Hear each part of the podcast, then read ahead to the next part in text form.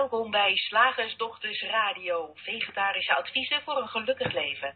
Linda Spaanbroek en Angela Mastwijk geven je een kijkje achter de toonbank van de menselijke ervaring. Hoe werkt het daar nu echt? Wij maken gehakt van ingewikkelde concepten en fileren met liefde ook jouw leven. Dat alles onder het motto geluk. Mag het een onsje meer zijn? Goedenavond luisteraars en hoi Angela. Hey Linda, hallo. Um, zoals altijd, de aftrap. Als je een vraag hebt, beste luisteraar, of een dilemma, of een probleem, of iets waarvan je denkt, ja, ja, ja, ja, ja, dat zeggen die slagersdochters nou wel, maar laat het ons vooral weten. Uh, deel het met ons, ga over met ons in gesprek via het Q&A-vakje dat je uh, op deze, de pagina waar je nu naar ons luistert een klein beetje doorscrollen naar beneden ziet. Typ daar je vraag in, klik voor zenden en dan krijgen wij je vraag in beeld en kunnen we daar later deze uitzending mee aan de slag. Maar nu eerst hoe je goede voornemens ten uitvoer brengt. Vertel, Antje. Ja, deze... Waarom überhaupt dit onderwerp? Ja, het is natuurlijk een uh, rondom de jaarwisseling een hot item. Goede voornemens. Iedereen heeft ze misschien wel eens gehad of, of, of je haat ze, dat kan ook. Uh, volgend jaar gaan we echt beginnen aan dat dieet of werken aan iets of een doel bereiken. En uh, ja, waarom dat nou precies op 1 januari is, dat lijkt gewoon een soort schone lijn waarmee we dan beginnen. Hè? En uh, ik kan me niet, uh, ja, ik heb zelf, uh, ik kan me niet echt herinneren of ik ooit goede voornemens heb gehad. Maar ik, ik denk eigenlijk van wel, maar dat ik dat gewoon volledig geblokkeerd heb uit mijn herinnering. Misschien was ik ook niet zo goed in. Ja? Vertel. Nou ja, dingen als uh, dit jaar wil ik stoppen met chocola eten. Of nou ja, het zal in mijn geval wel chips eten geweest zijn. Ik heb een lichte chipsverslaving. Mensen die mij goed kennen weten dat. Uh, andere mensen nu ook. en uh, dan denk ik, ja, dat is toch niet, kan, niet, kan niet goed voor mensen. Kom, nee, ik, ik eet geen chips meer. Of, uh, ja, ja, andere, ik, ik moet je zeggen, we hebben een aantal jaren uh, oud en nieuw gevierd met vrienden. En dan maakten we altijd zo'n rondje. En dan gingen we van iedereen vragen wat zijn je goede voornemens. En die schreven we ook op. En dan gingen we het jaar daarna gingen we kijken of we ze gehaald hadden. En niet, niet met het mes op de keel of zo. Um, dus, ja, dus ja, ik kan me ook niet meer helemaal herinneren, anders dan wat ik nu net noem. Uh, maar we hadden altijd wel, uh, wel goede voornemens. Oh ja, ook dingen als, ja, dan gaan mijn partner en ik voortaan minstens één keer in de week uh, samen iets doen. Of, of, zoiets, weet je wel. En, uh, ja, en, ja. en nou ja, sommige van die voornemens, die werden waar. Ik heb wel eens het voornemen gehad dat ik een bepaalde omzet wilde draaien in een bepaald jaar. Nou, dat, dat, dat doel haalde ik dan. Maar heel veel van die andere voornemens, in de trant van ik stop met chips eten, ik uh, ga vaker met mijn partner iets leuks doen. Um, ja, die zijn bij mij heel vaak op niks uitgelopen. En ja, ik, ik zie nu ook aan mijn, aan, mijn, aan mijn partner, aan mijn huidige partner, die, uh, uh, die had zich heilig voorgenomen dat hij aan het einde van dit jaar uh, onder de 100 kilo zou wegen. Hij is er heel dichtbij geweest. een week of acht geleden. en nu is hij er helemaal niet meer zo dichtbij. Uh, dus ja, daar gaat, daar gaat dan toch iets, uh, daar gaat toch iets mis. En, en ja, wij zijn daar natuurlijk niet de enige in. Uh, nee. Maar het is wel interessant. Ja, nu dat, ja, nu je dat zo vertelt, ik heb gerookt vroeger. Jawel, Linda, dat geloof je misschien niet, maar dat is echt waar. En dat was dan misschien niet een voornemen waarmee ik dan, om daarmee te stoppen, niet per se op 1 januari, maar ik ben daar wel verschillende keren mee gestopt en even zo vrolijk weer begonnen totdat ik niet meer begon. En ja. Um, ja, de vraag is dan, waarom begin je dan toch weer, terwijl je jezelf hebt verteld, ik hou ermee op, want dit is slecht voor mij. En op ja. een of andere manier, uh, ja, was ja, dan, ja, leek dan het, uh, in het moment waarin ik dacht, ik moet nu een sigaret, leek dat voor mij uh, veel belangrijker dan een gedachte als ja, maar dit is slecht voor je. Het is dan of je een soort, in mijn ervaring, een soort schizofreen bent in je hoofd. Nee, doe het nou niet. Je hebt jezelf beloofd ermee te stoppen. Ach, we kunnen mij het schelen. Morgen weer een dag. Ja, dat soort dingen. Genieten van het leven. Ik kan toch niet altijd mezelf maar van alles ontzien. Ehm, ik kan morgen wel onder de knop lopen, dood ga je toch. Dat soort dingen speelden zich dan in mijn hoofd af, inderdaad. wat ik, wat ik. Ja, wat, wat, wat, wat ik interessant vind, want er zijn twee kanten aan het verhaal wat mij betreft. Aan de ene kant dat je dus na een week of een maand eh, allerlei verhalen in je hoofd hebt van dat andere schizofrene deel van jouzelf. De- hè, dat duiveltje op je schouder dat dan tegen je in gaat praten. Eh, daar zit iets heel boeiends waarom, waarom dat gebeurt. Eh, maar er zit ook iets boeiends wat mij betreft bij die goede voornemens. Ja, Wa- waarom, waarom moeten we daar een heel ding van maken? En, en, en, waarom moet, en dan moet dat dus ook nog per, per 1 januari. Dat is ook zo grappig eh, zelf bedacht. Ehm, ja, er zit voor mij ook iets in van, het is nu niet goed genoeg. Ik ben niet goed genoeg of ik, ik doe iets niet goed genoeg. En dat moet veranderen. Ja. En Hm. als we, er zo naar, als we er zo naar kijken, hè, zou het dan kunnen zijn dat we onszelf bepaalde doelen stellen vanuit het idee dat er inderdaad iets niet goed genoeg is aan ons. Eh, we zijn te zwaar of we eten te veel zout wat niet goed voor ons is. Of we nou ja, het, het doen iets in onze relatie wat we, waar we een oordeel over hebben wat niet goed zou zijn. Ehm, dus dat die goede voornemens eigenlijk altijd voortkomen uit een heleboel gedachten over iets wat eigenlijk niet goed is, maar wat wel nu gewoon is wat het is. Ja. Ik denk dat, dat, dat daar een, eh, een groot, eh, groot deel van de goede voornemens over gaan. Of misschien wel, eh, misschien wel alle. En dan, en En dan dat kan anders. Ja, sowieso, sowieso kan het anders. En, en voordat we daarop ingaan, wilde ik nog heel even doormijmeren hierover. Want ik vind hem wel interessant, omdat ik er ook nog nooit op deze manier naar heb gekeken. Dan heb je dus allerlei voornemens, omdat je vindt dat er nu iets, omdat je gedachten hebt over dat er nu iets niet goed is en dat er iets anders zou moeten. Maar blijkbaar Ja. zijn het vooral gedachten eh, die we heel erg geloven op dat moment. Uh, maar die geloven we alleen maar in dat moment. En het is niet, blijkbaar, die innerlijke wijsheid waar we het ook wel eens over gehad hebben. Die innerlijke wijsheid waardoor dingen gaan zoals ze gaan. En blijkbaar zit daar ook een soort controle-element in. Alsof wij het nodig hebben om eh, eh, iets te bedenken, iets, iets, iets vast te maken wat niet vast is. Om onszelf iets op te leggen in plaats van dat wij weten, zoals jij zegt, uit wijsheid, in elk moment wat slim is om te doen. En als je dan uh, ja, een beetje te zwaar bent, is ook maar een mening natuurlijk, maar en dat je in het niet erop vertrouwt dat je in het moment dat je weer naar die chipszak grijpt of naar, weet ik veel wat, chocola is mijn ding, uh, dat je dan niet de wijsheid hebt om dat dan gewoon niet te doen of zo. Of misschien is ja. de sigaret een beter voorbeeld, ja. maar daar vinden we allemaal van dat dat heel slecht is. Ja, maar daar vind ik hem bijna nog moeilijker, omdat we allemaal vinden dat het heel slecht is. Is het heel ja. moeilijk om te zien dat je dat ook maar zelf bedacht hebt. Ja. Terwijl bijvoorbeeld bij die chocola of die chips of dat gewicht, is het, is het natuurlijk totaal bedacht. Ik ben nu toevallig een kilo of zeven afgevallen. Mm-hmm. En ik, wat, ik was helemaal niet gericht op afvallen. Maar wat ik wel nu bij mezelf merk, dat als ik op de weegschaal sta, dan heb ik dezelfde gedachte over, wat, over het cijfer wat de weegschaal aangeeft als dat ik 7 kilo uh, zwaarder had. Dus ik dacht, ja, dat cijfer op die weegschaal, dat, dat betekent echt niks. En nogmaals, ik had er al niks mee. Uh, en, en, dat ik af ben gevallen heeft met heel andere dingen te maken dan de behoefte om af te vallen. Uh, maar, maar, dat, maar dat is fascinerend, dat dat, dat, dat dat dus echt helemaal niks uitmaakt um, voor hoe je je voelt. Uh, in ieder Nee. geval bij dit soort gewichtsverliezen. Hè. Misschien, uh, we hebben het nu natuurlijk niet over de hele extreme van mensen die 300 kilo wegen en, en, en hun bed niet meer uit kunnen.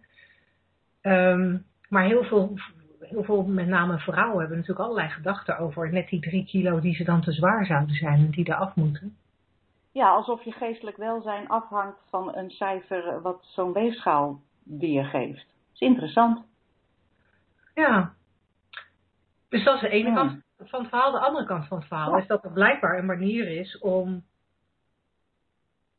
Ja, we hebben, we hebben opgeschreven van tevoren hoe je onderscheid maakt tussen haalbare en onhaalbare voornemens. Maar het lijkt bijna wel alsof voornemens bij voorbaat een soort van onhaalbaar zijn, omdat het nogal gestoeld is op gedachten in het moment en, en een vorm van controle en, en niet echt dat die wijsheid komt. Ja. En er zijn, en, en, en, er zijn dus andere mogelijkheden om ander gedrag te gaan vertonen die niks met voornemens te maken hebben, die blijkbaar wel werken. Ja, die dus wel met die wijsheid te maken hebben, blijkbaar. En ook met een meer natuurlijke manier van bewegen in plaats van een bedachte manier van jezelf dingen opleggen. Ja. Ja, wat, wat, wat mij te binnen schiet is weer twee voorbeelden over, uh, over eten. Um, wat dan wel weer mooi aansluit bij dat dieet. Mijn dochter, mijn dochter van, uh, nou inmiddels, ja, twintig. Ik denk dat het, dat ze ook twintig was toen ze dit bedacht. Uh, die zei op een, op een middag tegen mij, en daar was nooit sprake van geweest, op een middag zei ze tegen mijn man, ik zit er een beetje over te mijmeren of ik veganistisch zal worden. En ze was al vegetarisch, hè, ze at al geen, geen vlees, ja. maar ze zou dan willen stoppen helemaal met dierlijke producten eten.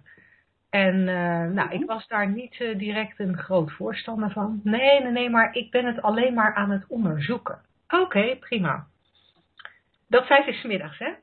Uh, S'avonds bij het avondeten heeft ze al geen dierlijke producten meer tot zich genomen. En daarna nooit meer. Dus, dus, dus haar, haar, er, was, er, er leek even een soort voornemen te zijn om het te veranderen. -hmm. Maar het was al gebeurd voordat ik en alle mensen om haar heen er erg in hadden. En misschien zelfs voordat zij er zelf erg in had, was het al veranderd. En ik heb zelf iets dergelijks ook meegemaakt. Ik merkte van de zomer dat ik hartstikke veel buikpijn had. En ik had een dikke buik en ik was opgezwollen en het voelde allemaal niet lekker. En de hele vakantie had ik last van mijn buik en ik vond het helemaal niet leuk. En toen ben ik eens gaan googelen waar dat dan aan, aan, aan zou kunnen liggen. En toen kwam ik drie dingen tegen waar het aan zou kunnen liggen. En alle drie die dingen waren toevallig dingen waarvan uh, mensen al met, die daar ervaring mee hadden, al eerder tegen mij hadden gezegd van ja, daar zou je eens mee moeten stoppen. Maar dat had ik niet willen doen, want ik dacht, ja, weet je, een dieet zonder gluten en zonder melk en zonder suiker, dat, daar valt niet mee te leven, dat dacht ik. uh, maar toen las ik dat op die website en nou, wat er gebeurd is, is er gebeurd. Um, ik, ik ben wel nog in de vakantie doorgegaan met normaal te eten, maar ik ben thuisgekomen. En ik ben ook acuut van dieet veranderd. En ik ben niet zo strikt als mijn dochter. Ik spijbel af en toe wel eens. Um, maar ik, ik dacht dat het heel moeilijk voor me zou zijn. En eigenlijk is het helemaal niet zo moeilijk. Eigenlijk is, het helemaal niet, is, is dat hele dieet niet moeilijk. Maar blijkbaar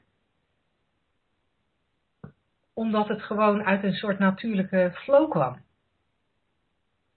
Ja, ik heb eigenlijk dezelfde ervaring gehad toen ik uiteindelijk een aantal jaren geleden wel stopte met roken. Op het moment dat ik zag hoe gek het eigenlijk was om te bedenken dat je iets nodig had om je beter te voelen op een bepaald moment. En dat dat ook totaal niet zo werkte ja, liet het mij los in plaats van dat ik het losliet. Dus eigenlijk is dat een beetje het, uh, denken we daar dezelfde, dezelfde richting op. Er is dus een mogelijkheid om uh, op een natuurlijke manier ja, te bewegen. En um, wat mij dan net te binnen schoot en mij nu weer ontschoten is, dat weet ik dus verder niet. is dat wel een hele, een hele makkelijke manier. Ja. In ieder geval. Ja. Ja, en dan, en dan hoef je eigenlijk niet zoveel ten uitvoer te brengen. Wat je zei, hè, ik, daar zit waarschijnlijk de crux met al die goede voornemens.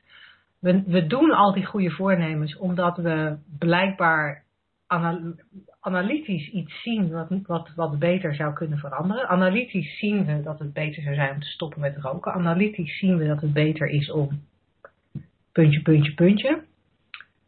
Um, of analytisch hebben wij bedacht dat het beter is om die hogere omzet te hebben. Dat het beter is om uh, dit jaar naar een groter huis te gaan. Dat het beter is om dit jaar een boot te kopen. Dat hebben we allemaal met ons hoofd bedacht. Maar blijkbaar hebben we het niet gezien op dat diepe niveau waar we het in deze radioshow wel vaker over hebben. Dat zien, wat niet zien met je ogen is, maar ik weet niet of jij daar een betere woord aan kan geven, Angela Ja, het is meer, ja, het is meer een weten, een, een, een doorzien van alle, alle gedachten die we bedacht hebben. En daardoor ja, op een natuurlijke manier bewegen. Dat heb ik al een aantal keren gezegd. Maar dat is waar het voor mij op neerkomt. Net zoals een boom niet bedenkt van nou, het zou toch echt beter zijn als ik mijn blaadjes laat vallen voor de grote herfststormen. Want anders zou wel eens die storm mij omver kunnen blazen. Dus die heeft dan het goede voornemen, ik laat mijn blaadjes vallen voor de grote herfststormen. Zo werkt het niet op een, natuurlijke manier. De blaadjes vallen wanneer ze vallen, er wordt verder niet over nagedacht. Natuurlijk zijn wij geen boom. Dus wij hebben de mogelijkheid om goede voornemens te hebben. En tegelijkertijd is dat ook een soort valkuil waarmee we onszelf, eh, die, dat natuurlijke bewegen, een beetje, een beetje ontzeggen. Ja, en dan kan ik me voorstellen dat mensen die nu luisteren zich de vraag stellen: oké, maar hoe ga ik dan echt op dat diepe niveau zien dat ik 10 kilo moet afvallen? Of hoe ga ik echt op dat diepe niveau zien dat ik dat grotere huis nodig heb? Zodat ik er wel voor ga. Wat zou jij dan antwoorden? Ja. Wat zou je zeggen? zodat ik er wel voor ga. Dat impliceert dan nog steeds dat er iets te bereiken en iets te doen is, om, zodat je je beter voelt op een toekomstig moment. Ja. ik denk als je de kant, de kant gaat opkijken van, van de richting waarin wij wijzen, uh, dat het eigenlijk onvermijdelijk is dat misschien in het begin dat je het in kleine dingen gaat zien. Oh, ik had bedacht dat het altijd uh, beter zou zijn als ik dit en dat zou doen, dat ik me beter zou voelen op een toekomstig moment als ik dit en dat zou bereiken. En maar als je gaat zien dat je hele ervaring van alles van binnen naar buiten wordt gecreëerd, dan is het onvermijdelijk, lijkt mij, dat je gaat zien dat niets buiten jou, niets wat buiten jou ligt en ook niemand ertoe bij kan dragen dat jij je beter voelt. Ja. Dat je dat alleen nature al hebt. En dat zit voor het menselijk bedenken. En als je die kant opkijkt, ja, het lijkt mij onvermijdelijk dat je dat steeds meer gaat zien. En sommige mensen zien dat in één grote flits. Oh, zo zit het. Ik, het werkt gewoon echt 100% van binnen naar buiten. Dus er is niets wat mij beter doet voelen, gelukkiger doet voelen, ontspannender doet voelen, minder stress laat hebben. Er is niets. Wat een opluchting. Nou, en dan, dan ontstaat dat uh, natuurlijk bewegen. En, dat, en sommige mensen zien dat, zoals ik zei, in één keer. En anderen zien het stukje bij beetje afbrokkelen als een soort e-, eroderende berg, stel ik mij voor. Maar het is allemaal die berg of het nou een klein beetje denken is, oh, ik, uh, misschien moet ik twee kilo afvallen. Of een enorme berg denken rondom, um, ik moet, nou ja, wat zou een enorme berg denken zijn? Ik moet echt stoppen met roken, want mijn vader is ook al overleden aan een enge ziekte als gevolg daarvan. Ja, grote of kleine dingen, het is allemaal van hetzelfde materiaal. En in mijn ervaring is het allemaal uh, af te brokkelen. Ja, en, en, wat, en, en ik ben dan wel graag heel pragmatisch. Zolang je het nog niet ziet, voel je dan ook niet schuldig dat je fijn en goed voornemen hebt en dat dat goede voornemen misschien faalt. want eh, als je, als, je het, als, je het nog, als je het nog niet ziet, dan zie je het gewoon nog niet. als je nog niet ziet dat het. Ja, ik geloof dat ik duidelijk ben. Ik ga mezelf herhalen. er is niks mis mee. Je ziet, als je het ziet, dat is net als mijn uh, tien keer gestopt met roken en weer beginnen. En als je het ziet, ja, dan uh, begin je blijkbaar niet meer. Want dat is gewoon totaal niet uh, logisch voor jou meer. Ja, ja. En zolang je dat nog niet. Nou, ja. En zolang je het nog niet ziet, is het jouw tijd gewoon niet. Of is datgene wat je zelf heel belangrijk hebt gemaakt voor jou eigenlijk helemaal niet belangrijk. Dat kan ook nog. Maar dat is misschien weer een heel ander gesprek. Laten wij ja. dat voor een volgende keer bewaren. En nu naar de wetenschap gaan. De wetenschap. Slagersdochters, wat zit er in de leverworst? Oftewel, tijd voor wat wetenschap. Ja, tijd voor wat wetenschap. Uh, deze week keek ik naar uh, wat wij in de drie principes zeggen, is dat je je compleet je eigen realiteit creëert en dat de hele mensheid een realiteit eh, creëert zoals we die ook met elkaar allemaal delen. dat lijkt me een beetje, ja, er is zoiets, er lijkt echt zoiets te zijn als een, als een realiteit onafhankelijk van ons, alsof we dat een soort samen creëren. Maar uh, zoals bijvoorbeeld ook de aarde bestaat en die is rond. Hè? Dat, dat lijkt echt een, een realiteit buiten ons te zijn. Uh, toch is er op een of andere manier, uh, zeggen wij in die drie principes, het wordt wel gecreëerd door mind, consciousness en thought. Dus het, uh, de universele intelligente levensenergie achter alles. Het bewustzijn en de gedachte, of het denken, net hoe je het wil noemen. En wat zegt de wetenschap daar nou over? Dan ga ik natuurlijk weer naar de kwantumfysica. Die, uh, de natuurkunde die gaat over de hele kleine deeltjes. En um, dus hoe creëren wij nou een realiteit uit die van zichzelf neutrale energie die mind is, die, die, die, eh, die universele levensenergie. Hoe gebeurt dat nou? Nou, ik uh, keek weer even naar de kwantumfysica en een heel bekend experiment wat hiernaar verwijst, niet direct, dus heb even geduld met me, is het dubbele spleet experiment. Dat klinkt in het Nederlands een beetje raar, laat ik het gewoon in het Engels noemen, double slit experiment. We gingen er van oudsher vanuit bijvoorbeeld dat uh, licht, dat zijn duidelijk, dat, dat, dat zijn golven, en, en, dat kan je ook zien, dat straalt uit. Totdat we dus die kwantumfysica ontdekten en steeds kleiner konden kijken, steeds kleinere deeltjes konden bekijken. En uh, dus bijvoorbeeld Einstein zei, hey, zei, hey, licht, dat zijn eigenlijk dus ook deeltjes, fotonen, lichtfotonen. En uh, nou is het zo dat uh, golfjes en deeltjes gedragen zich anders als je ze bijvoorbeeld uh, die maken andere patronen op een muur. Dat snap je. Als je een knikker tegen een muur gooit, dan heb je een puntje. En als je tien knikkers onder elkaar tegen een muur gooit, dan heb je tien puntjes onder elkaar. Terwijl als je golfjes erop afstuurt, dus zeg maar licht, ja, dan heb je één groot diffuus patroon op die muur. Dat moet je even voor je zien. Ja. Dan gingen ze in de kwantumfysica en uh, dus dat experiment doen. Vraag me niet hoe ze daarop gekomen zijn. Maar de, dus een, een, een, muur moet je zien waarop iets geprojecteerd kan worden. En daarvoor zetten ze een, um, een ander muurtje met daarin twee spleten. Mm -hmm. Nou lijkt het zo te zijn. Even kijken. Um, van, nou ja, als je daar licht doorheen schijnt, dan moet er, die, dat licht gaat door die spleten heen, dan moet er een soort uh, uh, diffuus patroon ontstaan op ja. dat scherm wat erachter staat. Hè? Mm -hmm. Die golven gaan er doorheen en dat, dat, dat is een soort interferentie heet dat. Die, die, die botsen dan een beetje tegen elkaar aan en dan krijg je dus als je licht daar doorheen schijnt, dus golfjes er doorheen stuurt. Ook als je dat met water zou doen, dat is misschien een duidelijker, uh, duidelijker te visualiseren. Dan krijg je daar een, ook een golf op, het achterste, op de achterste muur. Ja, die wordt ook dan, zeg maar. Ja, precies. Water, ja. Precies. Gooi je door die spleten nou knikkers, hè, deeltjes, nou dan moeten dus de, de deeltjes terechtkomen op die achterste muur in hetzelfde patroon als dat die spleten gemaakt zijn. Ja. Hè, twee spleten, dan krijg je twee ook rechte uh, gleuven van, van knikkers.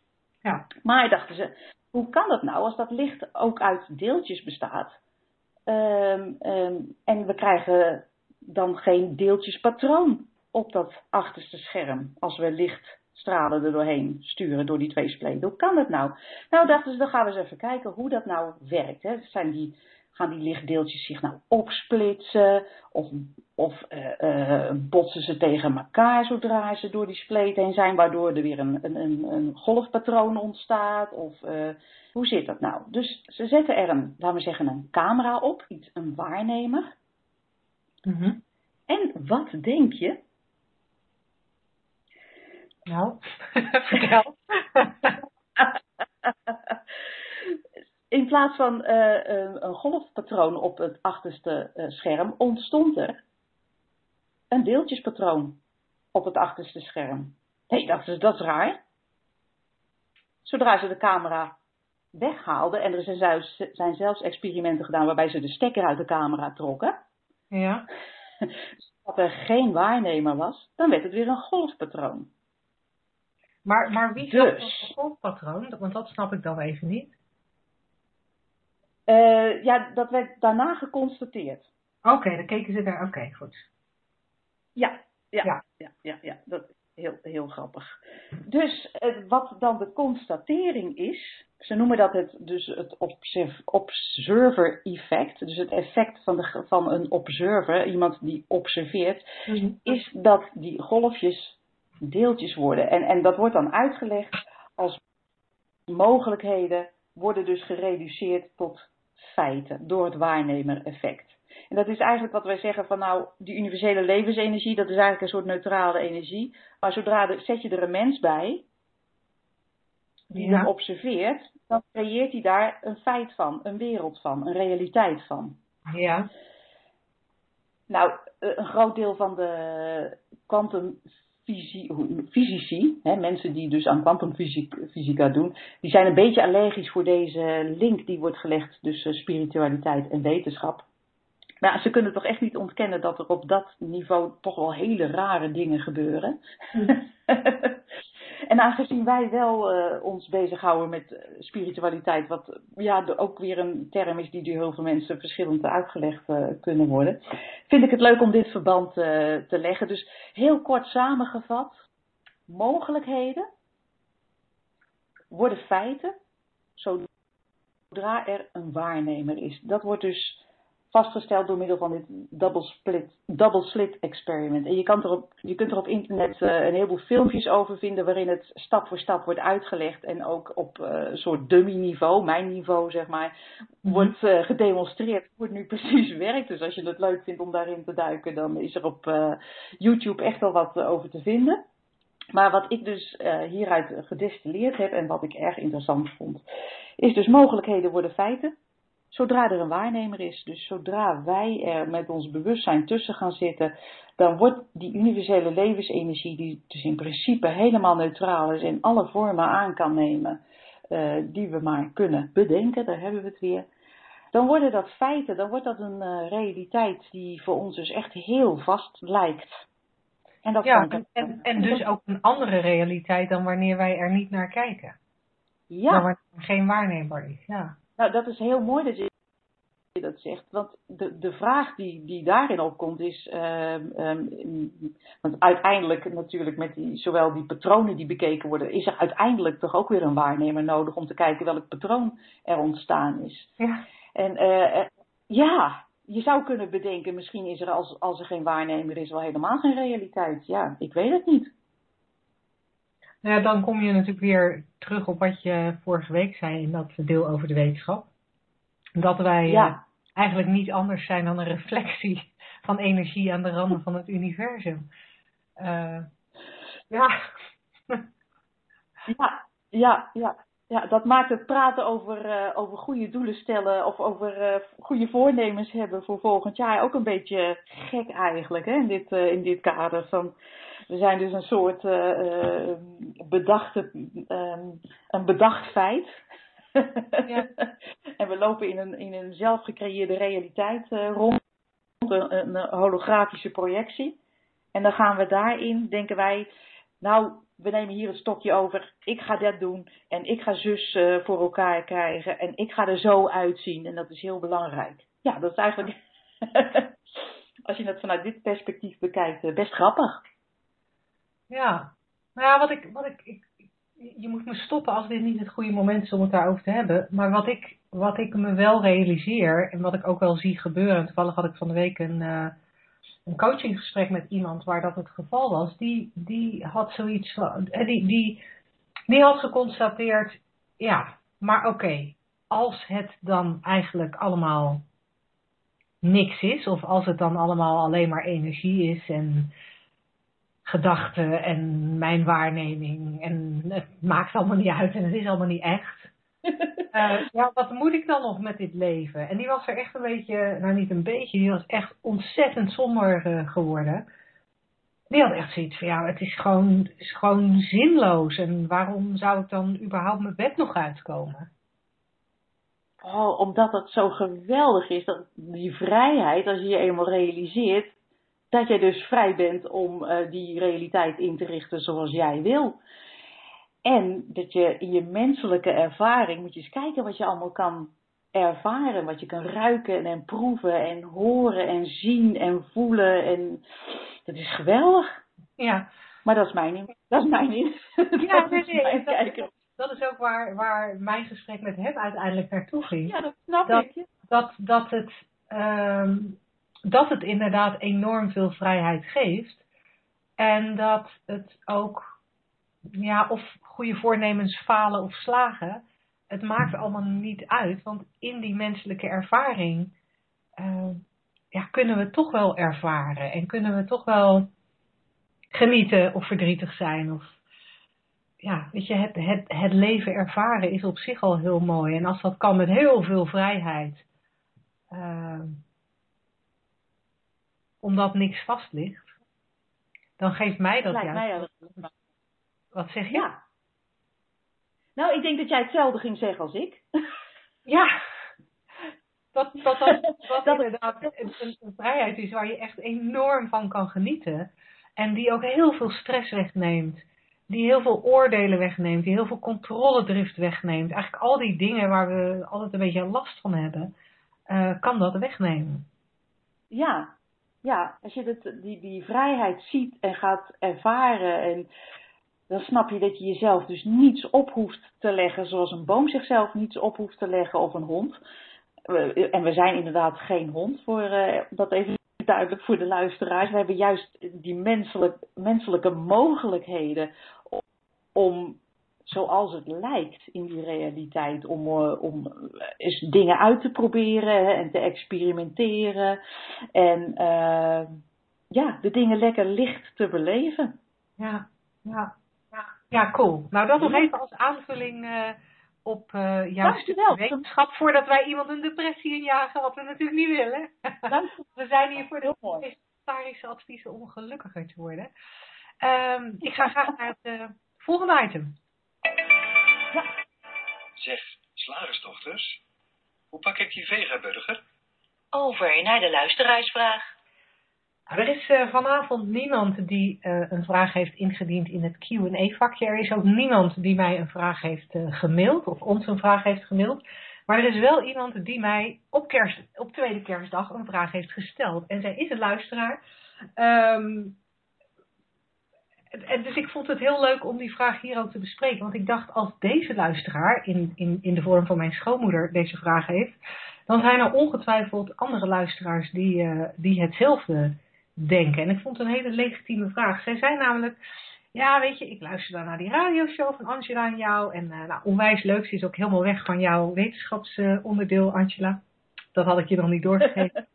en, uh, en, en ze zei van, maar jullie doen er zo makkelijk over.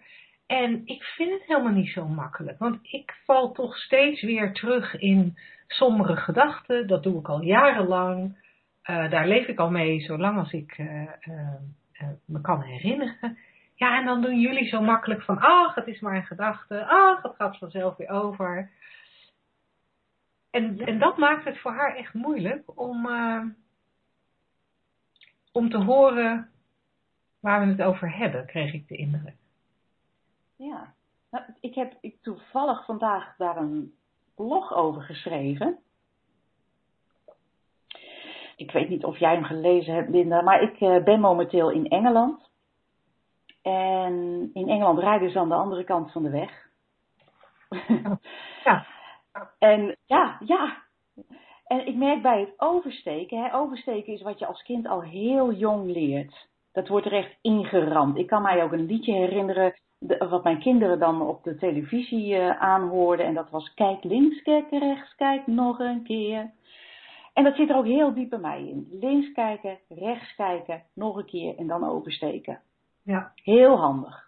Als je in een land woont waarin ze rechts rijden. Ja. Nu ben ik in een land waarin ze links rijden. Is helemaal niet handig om op die manier te kijken. Hier moet je rechts, links.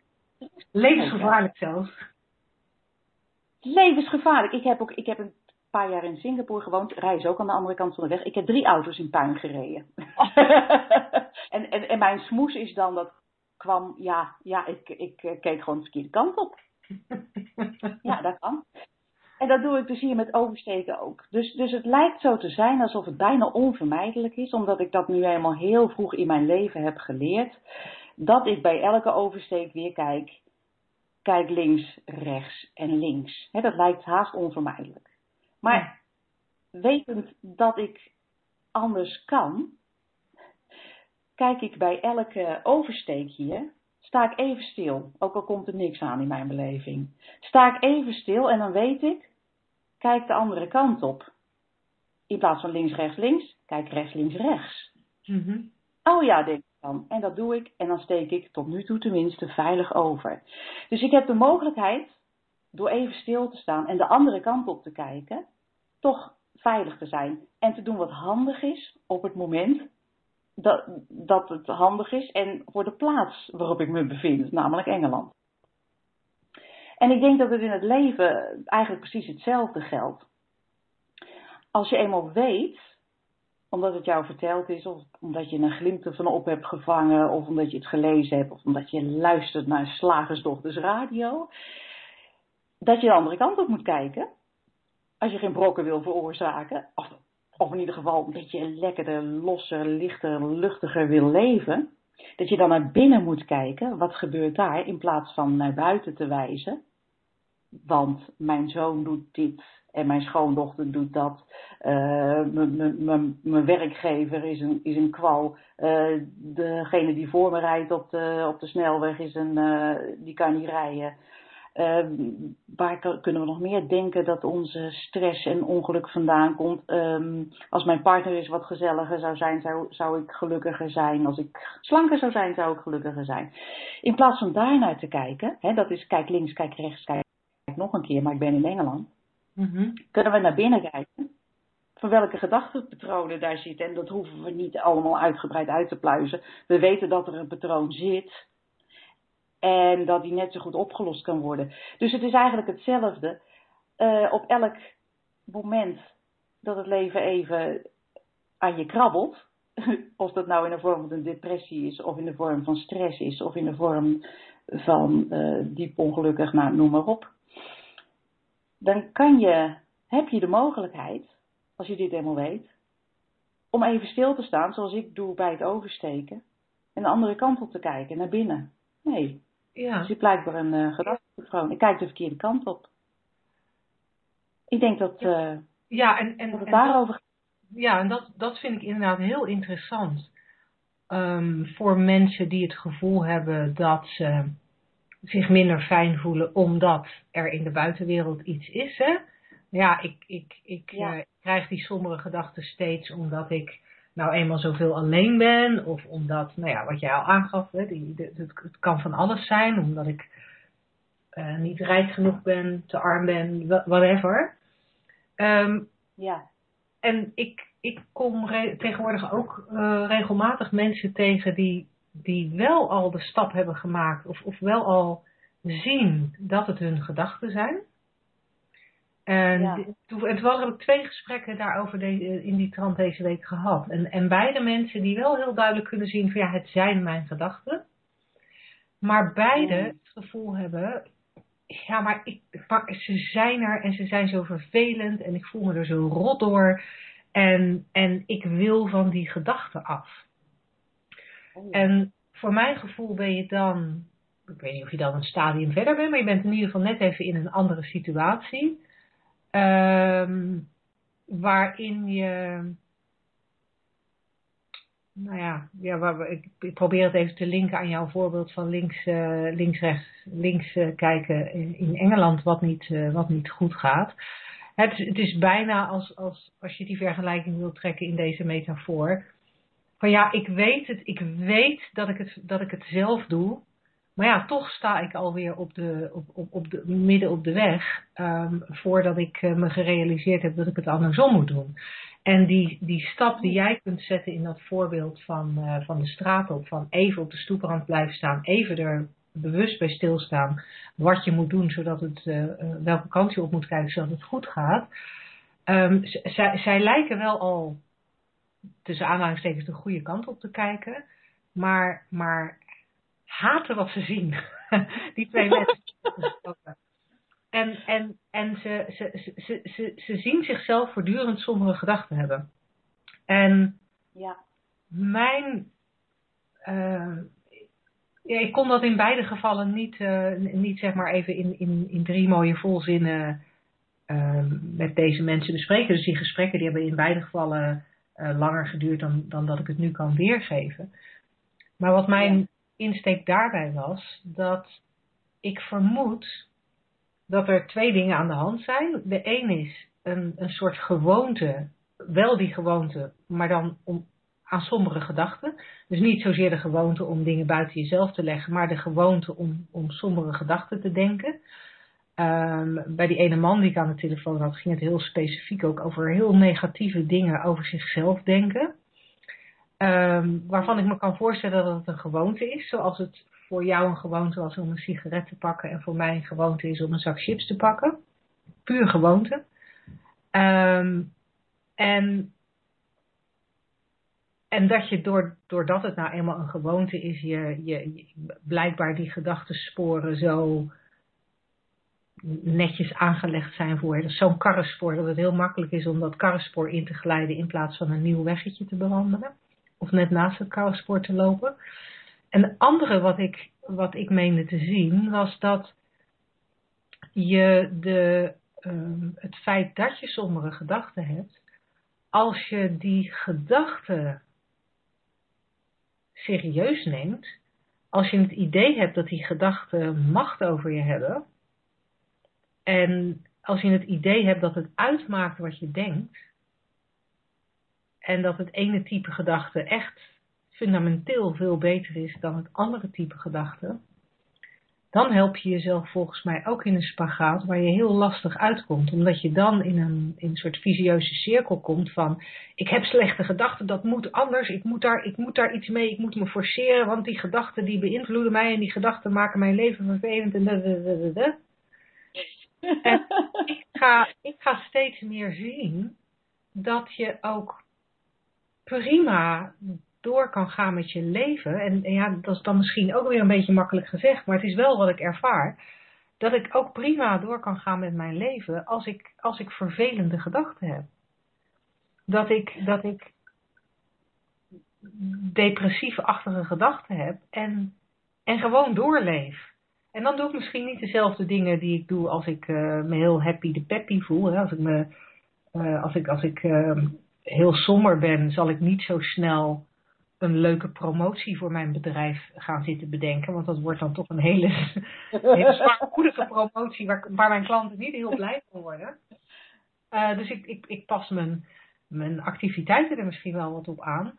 Maar het is, niet, het is niet dat ik het gevoel heb dat mijn gedachten in dat moment mij totaal bepalen.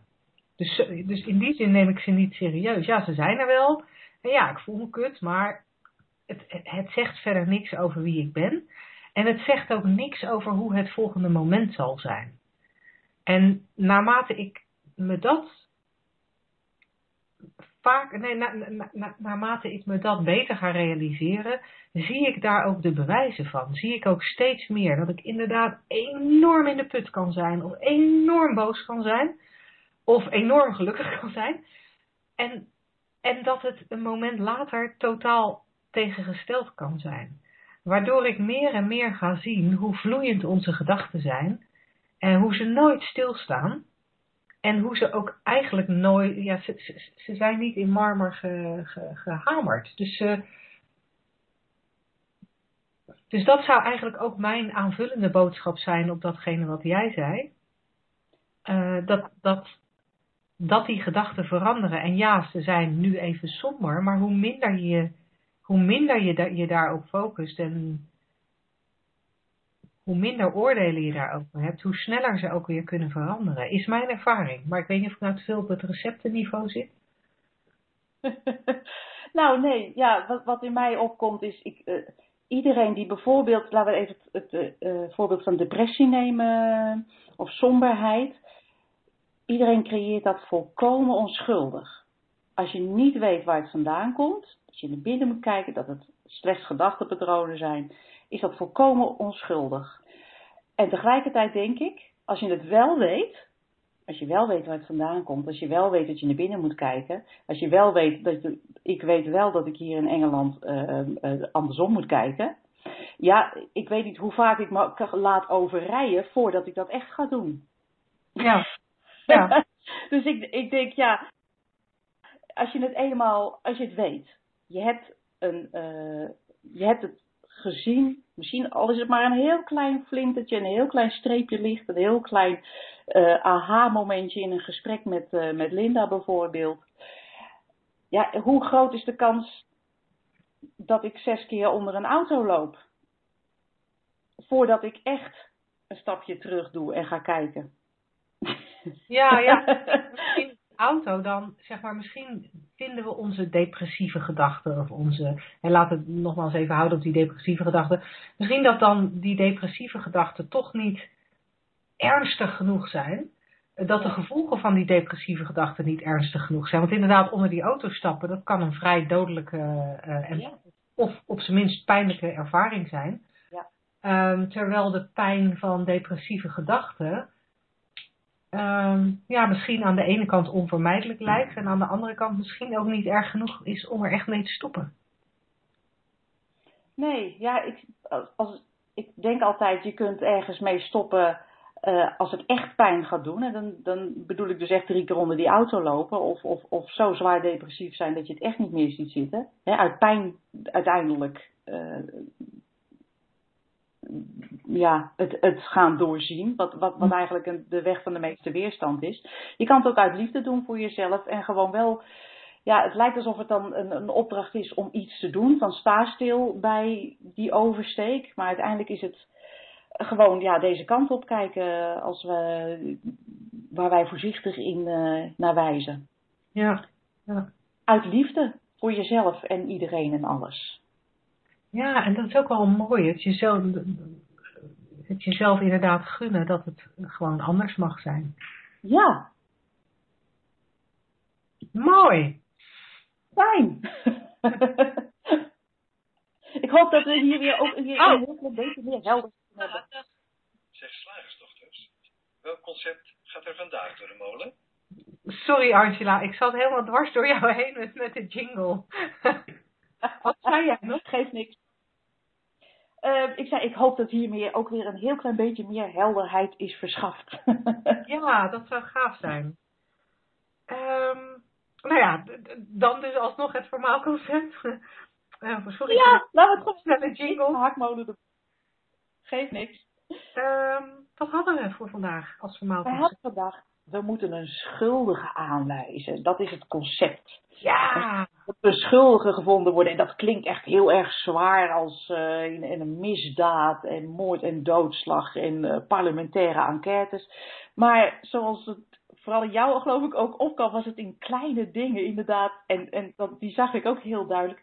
Je stoot je teen ergens aan en je denkt, wie heeft die tafel verschoven?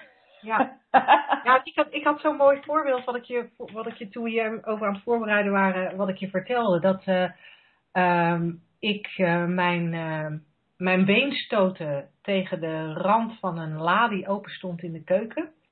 En die la stond open omdat mijn zoon de vaatwas aan het leeghalen was en dus dingen in die la aan het zetten was. En ik stootte, ik stootte mijn been daar tegenaan en er zat een gat in mijn knie. Of uh, niet in mijn knie, maar in mijn, uh, in mijn broek. Dus mijn broek was stuk. En toen flitste er door mijn hoofd. En het was echt komisch om te realiseren. Het eerste wat er door mijn uh, hoofd heen schoot was. Verdorie, laat hij die la openstaan. Wat eigenlijk logisch was. Het tweede was door, wat door me, dus het was Thomas' schuld, omdat hij die la open had staan. Het tweede wat door me heen schoof, was, schoot was uh, uh, Anko, mijn partner had ook niet deze uh, handgrepen moeten uitkiezen, want die zijn veel te scherp aan de bovenkant. Dus het was Anko's Vervolgens was het de keukenverkoper, want die had ervoor moeten zorgen dat ze niet zo scherp waren.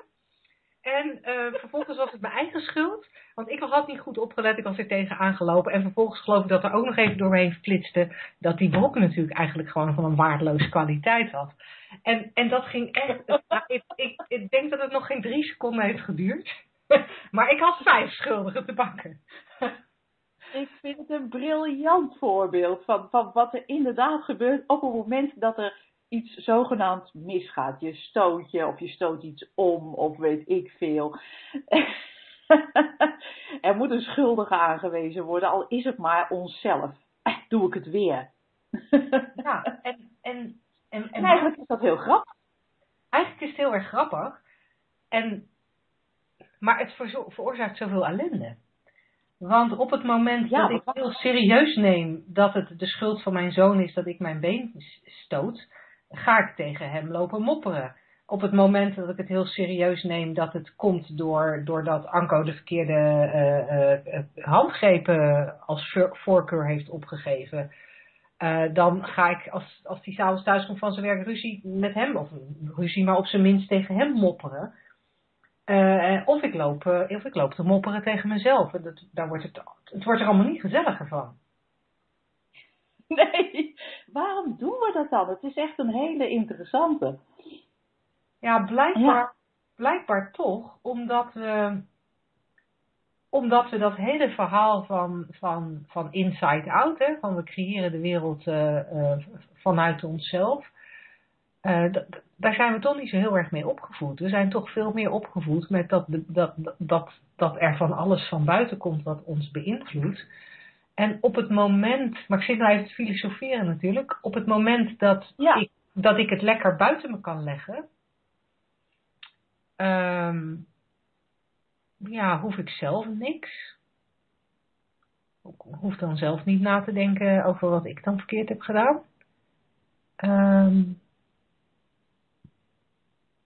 Zou het een soort gemak zijn? Of zou het een soort controle zijn? Een soort, soort ja, ik weet niet of het controle is. Weet je, als ik, als ik denk aan, aan het schuld zoeken bij een, bij een groter iets, zoals eh, bijvoorbeeld nu het vluchtelingenvraagstuk.